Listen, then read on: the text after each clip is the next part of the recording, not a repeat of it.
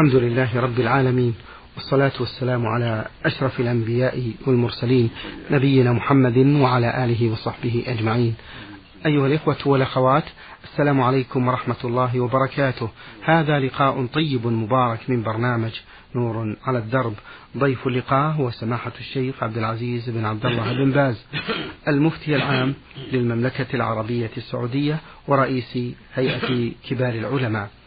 مع مطلع هذا اللقاء نرحب بسماحة الشيخ فأهلا ومرحبا يا سماحة الشيخ.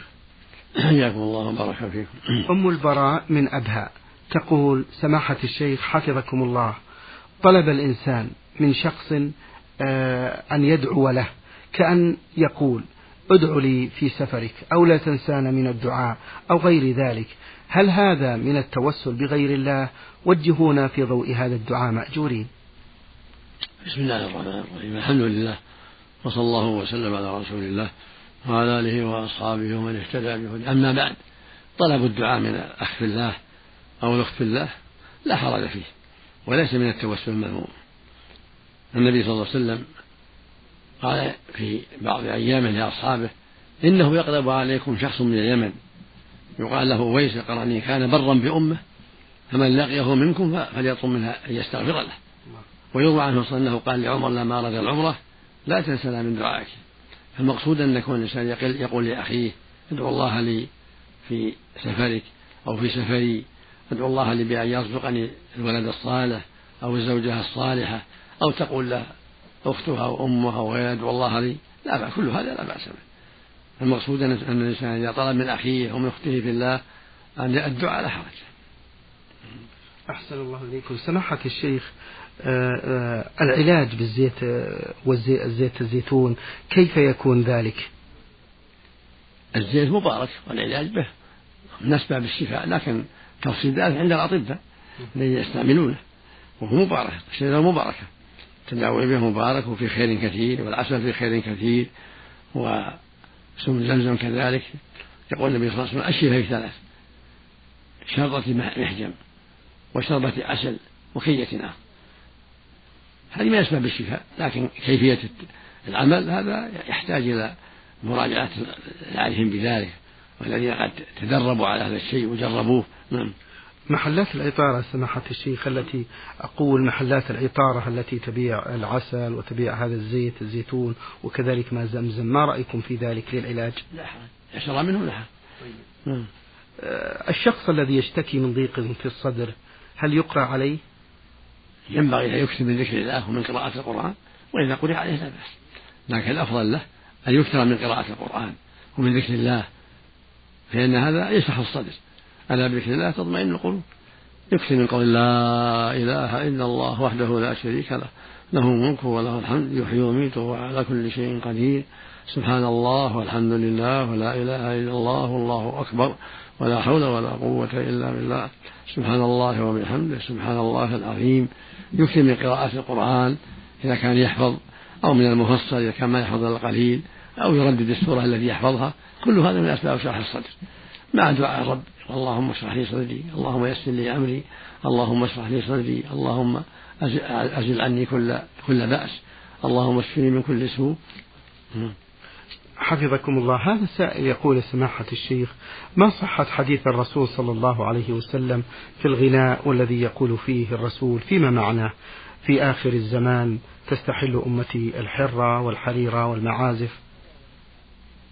هذا رواه البخاري بإسناد لا بأس به. جيد. إذا يكون من أمتي أقوام يستحل من الحراء الحراء الفرد الحرام الزنا والحرير والخمر والمعازف المعازف آلة الملاهي. نعم. أحسن الله إليكم وبارك فيكم. هذه أخت سائلة حاء ميم ألف آه، من المملكة تقول سماحة الشيخ فتاة في أيام الامتحانات تذاكر وجاء وقت صلاة العشاء ولم تصلي وتعلم بخروج الوقت إلى أن أصبحت الساعة الثانية عشرة ليلا وبعدما انتهت من المذاكرة صلت العشاء. فما الحكم؟ وهي نادمة على ذلك هل عليها كفارة؟ الواجب عليها التوبة إلى الله إذا خرج الوقت لأن الوقت ينتهي بنصف الليل. فعليها أن تصلي العشاء قبل نصف الليل. فإذا تساهلت فعليها التوبة والاستغفار. صلي ولو بعد نصف الليل لكن تستغفر ربه ولا تعود النبي قال وقت العشاء إلى نصف الليل. فلا بأس إذا كان مثل هذه الأيام الليل تسع تسع ساعات لا تأخر إلى مضي أربع ساعات ونصف بل صلي قبل ذلك. من غروب الشمس. يبتدي حساب الليل من غروب الشمس بالساعة فالمقصود أن السنة لها بل الواجب عليها وعلى غيرها أن يكون أن تكون صلاة العشاء قبل نصف الليل. ولا بأس بتأخيرها بعد الثلث الأول قبل نصف الليل لا بأس. لكن التأخير إلى بعد نصف الليل لا يجوز. تقول سماحة الشيخ بأنها عندما انتهت من أداء مناسك العمرة وعادت للبيت مباشرة قامت بقص شعرها. مع العلم تقول بأنني شاكة في قصه في المسعى أو البيت. هل علي كفارة؟ لا ما هم في المسعى. في البيت يكفي. إذا ساعات تروح للبيت تقص شعرها في البيت. الحمد لله. نعم. أحسن الله إليكم وبارك فيكم. هذا سائل للبرنامج آه، أبو عمرو الزعبي من الرمثة الأردن يقول سماحة الشيخ هل يجوز للمعذور من به سلس بول أو رياح غليظة في بطنه هل يجوز له الوضوء قبل دخول وقت الصلاة المفروضة لكي يستطيع التبكير إلى المسجد وإدراك تكبيرة الإحرام والركعة الأولى؟ وكذلك وكذلك لكي يستطيع أن يصلي السنة القبلية للفرض إذا كان المسجد بعيد وجهونا في ضوء ذلك؟ الواجب على من به الحدث الدائم ألا يتوضأ إلا بعد دخول الوقت. لقول النبي صلى الله عليه وسلم في الحاضر توضئي لوقت كل صلاة. فإذا كان به سلاسل البول أو الريح فالوضوء يكون بعد دخول الوقت بعد الزوال في الظهر وبعد أن يصير ظل كل شيء مثله بعد الزوال في العصر إذا أذن المؤذن العصر بعد غروب الشمس في المغرب بعد غروب الشفق في العشاء بعد طلوع الفجر في الفجر لا لا يتعجل. وبيمديه إن شاء الله. يمديه يصلي ولو فاتته. تكبيرة الإحرام ولو فاتها الركعة الأولى لا يضر الحمد لله. إذا كان المسجد بعيد. نعم. يقول سماحة الشيخ حفظكم الله من به سلس بول. هل يجوز أن يكون إماما في الصلاة؟ في خلاف بين العلماء والأحوط له لا يكون إماما. خروجا من الخلاف. الأحوط أن يكون مأموما. خروجا من الخلاف ما منع ذلك. نعم.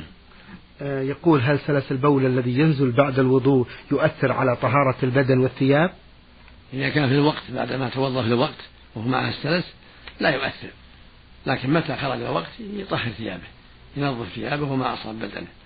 أما في الوقت لو توضأ في الوقت ثم خرج من البول فإنه يصلي ولو خرج ولو أصاب ثيابه حتى ينتهي الوقت.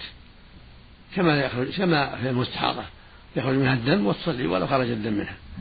فإذا خرج الوقت طهر ثيابه وطهر بدنه وأعاد الوضوء للوقت الآخر. أحسن الله إليك سماحة الشيخ. أخونا عين أبو عمرو الزعبي من الرمث الأردن في آخر أسئلته يقول سماحة الشيخ هل ورد في السنة النبوية أحاديث عن الرسول صلى الله عليه وسلم بالنهي عن النوم بعد صلاة العصر أو قبل المغرب؟ ليس في هذا شيء لا بأس بالنوم بعد العصر ولم يجد في هذا شيء يمنع. فالنوم بعد العصر لا حرج فيه وليس فيه شيء من الأحاديث تمنع من ذلك. نعم. فرحان حمد أرسل بهذا السؤال يقول هل يلزم الوضوء لصلاة التهجد في آخر الليل؟ إذا كان ليس على وضوء يلزمه الوضوء. إذا كان بعد بعد العشاء قد أحدث. بعد العشاء ريحا أو بولا أو غائطا يلزمه. لا يصلي إلا بوضوء. أما إذا كان على طهارة العشاء وأراد يتهجد ولم يحدث بعد طهارته العشاء لا بأس. لكن إذا كان نام أو أحدث لابد من وضوء للتهجد مثل بقية الصلوات. لابد يستنجي إن كان بال ثم يتوضأ وضوء الصلاة. وإن كان مثلا ريح يكفيه الوضوء يغسل يتمضض ويستنشق ويغسل وجهه ويديه ويمسح رأسه وأذنيه ويغسل إليه أما إذا كان قد حصل بول أو غائب لابد من الاستنجاء يستنجي أول ثم يتوضأ وضوء الصلاة. السائلة عين ألف عين من الدمام تقول سماحة الشيخ متى يجب على الفتاة أن تلتزم بالحجاب الشرعي السؤال تقول أي في أي سن تبدأ؟ يلزمها إذا بلغت إذا حاضت أو أنزلت المني احتلمت أو بلغت خمسة عشر سنة مثل الرجل. الرجل يكون رجلا إذا بلغ الحلم. لقوله تعالى وإذا بلغ الأطفال منكم الحلم فليستأذنوا فإذا احتلم أنه يأتي المرأة وأنزل بلغ. أو أنبت الشعر خشن حول القبل صار مكلفا والمرأة كذلك. أو كمل خمسة عشر سنة صار رجلا والمرأة كذلك. وتزيد المرأة من الرابعة وهو الحيض إذا حاضت تكون مكلفة. أحسن الله إليكم. هذه الرسالة من اليمن. من السائل محمد أحمد يقول سماحة الشيخ ما حكم من تزوج من امرأة تصلي وهو لا يصلي؟ وما حكم عكس ذلك مأجورين؟ وهل يجوز الزواج من رجل لا يصلي؟ الصواب أنه يجدد النكاح. إذا كان يصلي وهي لا تصلي. أو العكس هي تصلي وهو لا يصلي فإنه يجدد النكاح. هذا هو الأحوط والافضل لقول النبي صلى الله عليه وسلم بين الرجل وبين الكفر والشرك ترك الصلاة. قوله صلى الله عليه وسلم العهد الذي بينه وبينهم الصلاة فمن ترك فقد كفر. أما إذا كان لا يصليان جميعا فالعقد صحيح. إذا كان لا يصليان كلاهما فالعقد صحيح. أما إذا كانت لا تصلي وهو يصلي أو هو لا يصلي وهي وهي, وهي تصلي فلا يصح تزوجه منها إلا بعد التوبة. إذا كان لا يصلي حتى يتوب أو هي لا تصلي حتى تتوب. وإذا عقد العقد وهو لا يصلي أو هي لا تصلي واحد منها يصلي وواحد لا يصلي يجدد العقد على الصحيح. جزاكم الله خيرا سماحة الشيخ. يقول السائل في ثاني أسئلته آه، والدي متوفى منذ أربع سنوات ولكنه لم يحج ولم يوصي بالحج عنه وذلك لأنه مات موتا مفاجئا. فما واجبنا؟ هل نحج عنه؟ علما بأنه لم يوصينا بذلك وهل يجوز أن نقرأ له القرآن وندفع مال على ذلك؟ إذا كان لم يحج وخلى تركة وجب أن يحج من التركة. إذا كان يستطيع الحج في حياته ولكن تساهل وجب أن يخرج من ماله ما يحج به عنه. وإن حج عنه بعض أولاده كفى. أما إذا كان فقير ما مات ما يستطيع الحج فإن أولاده إذا حجوا عنه مأجورون لهم أجر. إذا حج عنه بعض أولاده أو حجت عنه زوجته أو بعض أقاربه مأجورون أما إذا كان لا يستطيع الحج عنده قدرة ولكن تساهل فإن يجب أن يخرج من مال حجة يعطاها الثقة حتى يحج بها عنه. وإن حج عنه بعض أولاده الطيبين كفوا وبالنسبة لقراءة القرآن يقول اسمه؟ ما يقرأ الميت يقرأ القرآن الميت هذا لا لا دليل عليه ولا يشرع ولكن يدعى له. أما قراءة القرآن للموتى هذا لا دليل عليه ولا يشرع. لكن السنة أن يدعى الميت يستغفر له يترحم عليه يتصدق عنه يحج عنه يعتمر عنه كل هذا طيب.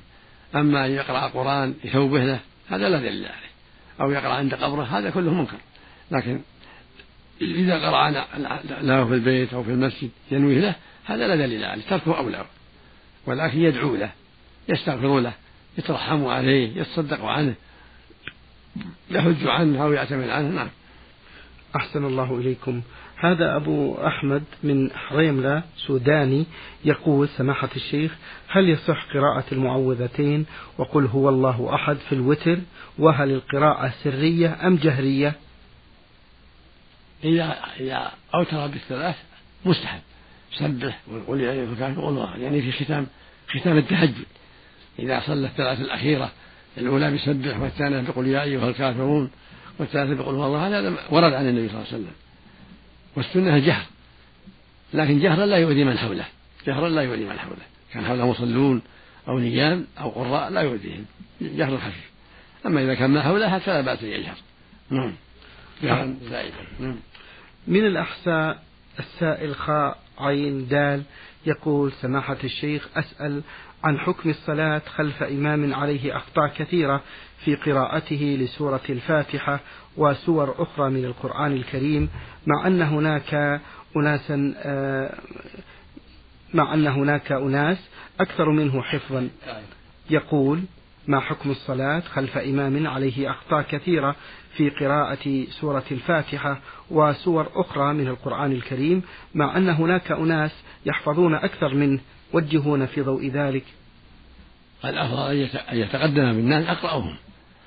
يقول النبي صلى الله عليه وسلم يؤم القوم أقرأهم كتاب الله. يعني أجودهم قراءة.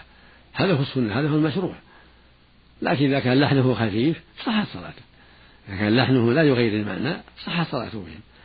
مثل إذا قرأ الحمد لله رب العالمين أو الحمد لله رب العالمين أو الرحمن الرحيم أو مالك يوم الدين ما يضر هذا ما يغير المعنى. أما إذا كان يغير المعنى مثل إياك نعبد أو أو صراط الذين أنعمت أو أنعمت عليه هذا ما يجوز. لا يؤم الناس. أما إذا كان لحن خفيف ما يغير المعنى مثل الحمد لله الحمد لله رب العالمين والحمد لله رب العالمين أو الرحمن الرحيم أو الرحمن الرحيم هذا لا يضر. لكن الأفضل أن يختاروا من هو أجود. أهل المسجد يقدمون من هو أجود قراءة لقوله صلى الله عليه وسلم يؤم القوم وأقرأهم لكتاب الله. وهكذا المسؤول عن الإمامة. يقدم في الإمامة من هو أقرأ. نعم. أحسن الله إليكم وبارك فيكم سماحة الشيخ. هذه رسالة طويلة وصلت من اليمن من مستمع للبرنامج. يقول سماحة الشيخ حفظكم الله. المرأة عندنا الذي يتوفى عنها زوجها. لا تعتد المدة الذي حددها الشرع الإسلامي ولا تمتنع من وضع الطيب والكحل وغير ذلك من الممنوعات. وأيضا تقول يقول السائل المرأة الذي يتوفى عنها زوجها لا تعتد المدة الذي حددها الشرع الإسلامي ولا تمتنع من وضع الطيب والكحل وغير ذلك من الممنوعات. وهذه المرأة هي المسؤولة في الزراعة وجلب الماء من الآبار وغيرها من الأعمال. ما توجيه سماحتكم لهم لعلهم يسمعون ذلك؟ الواجب على المرأة إذا توفي عنها زوجها أن تعتد أربعة أشهر وعشر إذا كانت غير حامل. أربعة أشهر وعشر. وأن تجتنب الطيب والملابس الجميلة والكحل ولبس الحلي حتى تكمل العدة كما أمر النبي صلى الله عليه وسلم. عليها أن تعتد أربعة أشهر وعشر كما قال الله جل وعلا والذين يتوفون منكم ويذرون أزواجا يتربصن بأنفسهن أربعة أشهر وعشرة هذا هو الواجب على كل امرأة مات عنها زوجها. أن تعتد أربعة أشهر وعشر وأن تجتنب أسباب الفتنة الطيب والكحل والحنة ولبس الحلي من الذهب والفضة ونحو ذلك حتى تكمل العدة والواجب تعليمهن الواجب على إخواننا في اليمن وغير اليمن تعليمهن ذلك تعليم المتوفى عنها حتى تمتثل الشرع حتى تعمل بالشرع. سواء كانت في داخل القرية أو في خارج القرية في النخيل في المزارع في البادية تعلم. الواجب على أوليائها أن يعلموها كيف تعتد سواء كانت في البلد في المدينة في القرية أو في المزرعة الخارجية أو في البادية. الواجب التعليم. الله يقول جل وعلا وتعاونوا على البر والتقوى ويقول سبحانه والعصر إن الإنسان لفي خسر إلا الذين آمنوا وعملوا الصالحات وتواصوا بالحق وتواصوا بالصبر. ويقول الله سبحانه والمؤمنون والمؤمنات بعضهم أولياء بعض يأمرون بالمعروف وينهون عن المنكر ويقيمون الصلاة ويؤتون الزكاة ويطيعون الله ورسوله. أولئك سيرحمهم الله. إن الله عزيز حكيم. هذا الواجب على المؤمنين أن يتراحموا وأن يأمروا بالمعروف وأن ينهوا عن المنكر وأن يتعاونوا بالبر والتقوى وأن يتواصوا بالحق والصبر عليه. هكذا. في كل مكان في كل مكان. في السعودية في اليمن في الشام في مصر في العراق في كل مكان. الواجب التعاون على البر والتقوى والتواصي بالحق والتناصح والأمر بالمعروف والنهي عن المنكر وتعليم الجاهل. تعليم المرأة الجاهلة تعليم الرجل الجاهل تعليم الشاب تعليم غيره. لا بد من التعليم والتواصي بالحق والتناصح هذا هو واجب الجميع. وبذلك يستحق العبد الرضا من الله والكرامة. وهذا معنى قوله سبحانه وتعاونوا على البر والتقوى. وقوله عز وجل والعصر إن الإنسان لفي خسر إلا الذين آمنوا وعملوا الصالحات وتواصوا بالحق وتواصوا بالصبر. وقوله جل وعلا والمؤمنون والمؤمنات بعضهم أولياء بعض. يأمر بالمعروف وينهى عن المنكر. ويقول النبي صلى الله عليه وسلم مثل المؤمنين في توادهم وتراحمهم وتعاطفهم مثل الجسد إذا اشتكى منه عضو تداعى له سائر الجسد بالسهر والحمى. ويقول صلى الله عليه وسلم المؤمن للمؤمن كالبنيان يشد بعضه بعضا وشبك بين أصابعه. ويقول صلى الله عليه وسلم من كان في حاجة أخيه كان الله في حاجته متفق على صحته. ويقول صلى الله عليه وسلم والله في عون العبد ما كان العبد في عون أخيه. أخرجه مسلم في الصحيح. فالواجب على جميع المسلمين في كل مكان أن يتعاونوا رجالا ونساء. على الرجال يتعاونوا على النساء يتعاون في طاعة الله ورسوله. في التفقيه في الدين في التعليم في الأمر بالمعروف في النهي عن المنكر في التواصي بالحق. يعلم العالم الجاهل. المرأة تعلم المرأة والرجل يعلم المرأة والمرأة تعلم الرجل. تعليم من الرجال والنساء جميعا على الوجه الشرعي. المرأة تعلم ولو ولو غير محرمها من وراء حجاب. تنصح وتعلم. والرجل يعلم ولو غير امرأته ولو غير نسائه. يعلم النساء من جيرانه من أقاربه في المسجد. يعلمهن يشرح لهن أمر الله يوصيهن بطاعة الله. هكذا الإمام المسجد هكذا الخطيب. لابد من التواصي بالحق مع الرجال والنساء. لابد من التناصح. نسأل الله الجميع الهداية. اللهم آمين. جزاكم الله خيرا سماحة الشيخ. آه السائلة زكية وهدى من المستمعات لهذا البرنامج. لهن هذا السؤال ومجموعة من الأسئلة. يقولن في هذا السؤال سماحة الشيخ سمعنا في أحد الأشرطة الدينية بأنه عندما مات الخليفة عمر بن عبد العزيز رحمه الله طارت صحيفة من السماء كتب عليها براءة عمر بن عبد العزيز من النار فهل هذا صحيح؟ ما بلغني هذا لم يبلغني هذا. أحسن الله إليكم. آه، يسألون يسألنا السائلات سماحة الشيخ عن وضع الأحجار فوق القبر وتسمى النصاير. وهي وضع حجر فوق قبر الرجل واحدة ووضع حجرين فوق قبر المرأة. يوضع أحجار تحفظ التراب. حجر أو حجرين الرجل والمرأة واحد سواء. ما في تخصيص. ما في فرق بين المرأة والرجل. بل يوضع في طرف القبر من من من فوق ومن أعلى ومن أسفل. لبنة أو حجر يحفظ التراب. أو علامة يجعل فيها قبر لا بأس. ولا أما تخصيص المرأة بالحجرين والرجل بحجر هذا لا أصل له. ولكن القبور واحدة. إذا جعل عليها حجر في أعلاها وفي أسفلها لحفظ التراب أو كب عليها حصباء تحفظ التراب كل هذا طيب. البعض من الناس يقومون بذبح الأضحية في اليوم الثاني بعد يوم العيد ولا يذبحونها في يوم النحر ويقولون بأن هذه هي السنة وهم يداومون على هذه الحالة من زمان وحتى الآن لم يغيروا هذا فهل هذا مجزئ؟ الأفضل في يوم العيد ثم الثاني ثم الثالث ثم الرابع. الجدار بها في يوم العيد أفضل ثم في الثاني أفضل من الثالث ثم في الثالث أفضل من الرابع. أما تخصيص الثاني هذا غلط جهل. بل الأفضل في الضحايا البدار بها يوم العيد وهكذا الهدايا. يوم العيد أفضل. فإن ذبحها في الثاني فهو أفضل من الثالث. وإن ذبحها في الثالث فهو أفضل من الرابع. نعم. بعض الناس يأكل الثوم في رمضان وقد تجد له رائحة قوية تنبعث منه فهل يؤثر ذلك على الصيام؟ وجهون مأجورين. لا يجوز لمن يصلي مع الناس أن يأكل الثوم والبصل أو الكرات يجب أن يمتنع من ذلك. وإذا فعل وجب إخراجه المسجد حتى لا يؤذي الناس. كان النبي يأمر بإخراجهم إذا أكلوا الثوم والبصل. لئلا يؤذوا الناس. فالذي يأكل ثوما لحاجة أو بصل لحاجة يصلي في بيته لا يصلي مع الناس. وعلى الهيئة والمسؤولين إخراج من المسجد حتى لا يؤذي الناس. أحسن الله إليكم. هذا سائل يقول سماحة الشيخ ما هي صفة حجة النبي صلى الله عليه وسلم مختصرة وما هي الكتب التي ترشدون ترشدوننا بقراءتها في هذا المجال؟ قد بيناها أو بيناها العلماء في كتب المناسك وبيناها في كتابنا التحقيق والإيضاح وهو كتاب مختصر.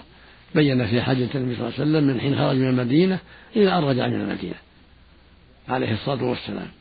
خرج من المدينة وأحرم من الميقات عليه الصلاة والسلام في الحليفة بحج وعمرة وقد ساق الهدي مئة من الإبل ثلاثة وست من المدينة وسبعة وثلاثين جاءت من اليمن. ولم يزل يلبي لما أحرم من الحليفة لم يزل يلبي لبيك اللهم لبيك لبيك لا شريك لك لبيك إن الحمد والنعمة لك والملك لا شريك له في الطريق حتى وصل مكة. ثم طاف. سبعة أشواط. بدأ بالحجر الأسود وقبله واستلمه بيده وقال الله أكبر وطاف سبعة أشواط. عليه الصلاة والسلام. ورمى الثلاثة الأولى يعني خب فيها ومشى في الأربعة الأخيرة. ثم صلى ركعتين خلف المقام. ثم مر الحجر واستلمه ثم ذهب إلى الصفا وسعى سبعة أشواط. يصعد السفا ويرفع يديه ويوحد الله ويكبره ويدعو ثلاث مرات يكررها ثم ينزل ويمشي. فإذا جاء بطن الوادي سعى رمل في بطن الوادي بين العالمين حتى يخرج من الوادي ثم يمشي حتى يصعد المروة. فيكبر ويذكر الله ويهلل ويدعو ثلاث مرات كما فعل الصفا سبعة أشهر ثم بقي على إحرامه لأنه معه الهدي لم يحل. وأمر الناس أن يحلوا أن يقصروا ويحلوا. اللي ما معهم هدي. فطافوا وسعوا وقصروا وحلوا بأمر النبي صلى الله عليه وسلم. أما الذين معهم هدي فأمرهم أن يبقوا على إحرامهم حتى حلوا يوم النحر. وبقية حجة النبي معروفة. من أرادها يراجع كتب أهل العلم. ومن ذلك كتابنا التحقيق والإيضاح فهو مختصر ومفيد في هذا الباب أحسن الله إليكم ونفع الله بعلمكم سماحة الشيخ. هل التسمية بالصلاة الجهرية سرا أم جهرا؟ السنة سر كان النبي صلى الله عليه وسلم وأبو بكر وعمر لا يجهرون بالبسملة يجهر بالحمد لله. أول ما يقرأ الحمد لله رب العالمين. يسرون بسم الله الرحمن والتعوذ. هكذا ثبت في الأحاديث الصحيحة. عن أنس وغيره أن الرسول صلى الله عليه وسلم كان وهكذا أبو بكر وعمر لا يجهرون بالبسملة أول ما يسمعون الناس الحمد لله. نعم. الله إليكم. بالنسبة للتسمية سماحة الشيخ في الطعام والشراب سرا أم جهرا؟ جهرا. حتى يسمع الحاضرون ويستفيدوا ويتأسى بعضهم ببعض وكان صلى الله عليه وسلم يأمر من حضر أن يسمي. ولما جاء أعرابي يريد أن يأكل أمسك بيده حتى حتى سمى. وقال يا غلام كان يأكل معه وهو ربيب وعمر بن أبي سلمة يا غلام سم الله وكل بيمينك وكل مما يليك. هذه طعمة صلى الله عليه وسلم. كيفية يسمي الله ويأكل بيمينه ويأكل ما يليه.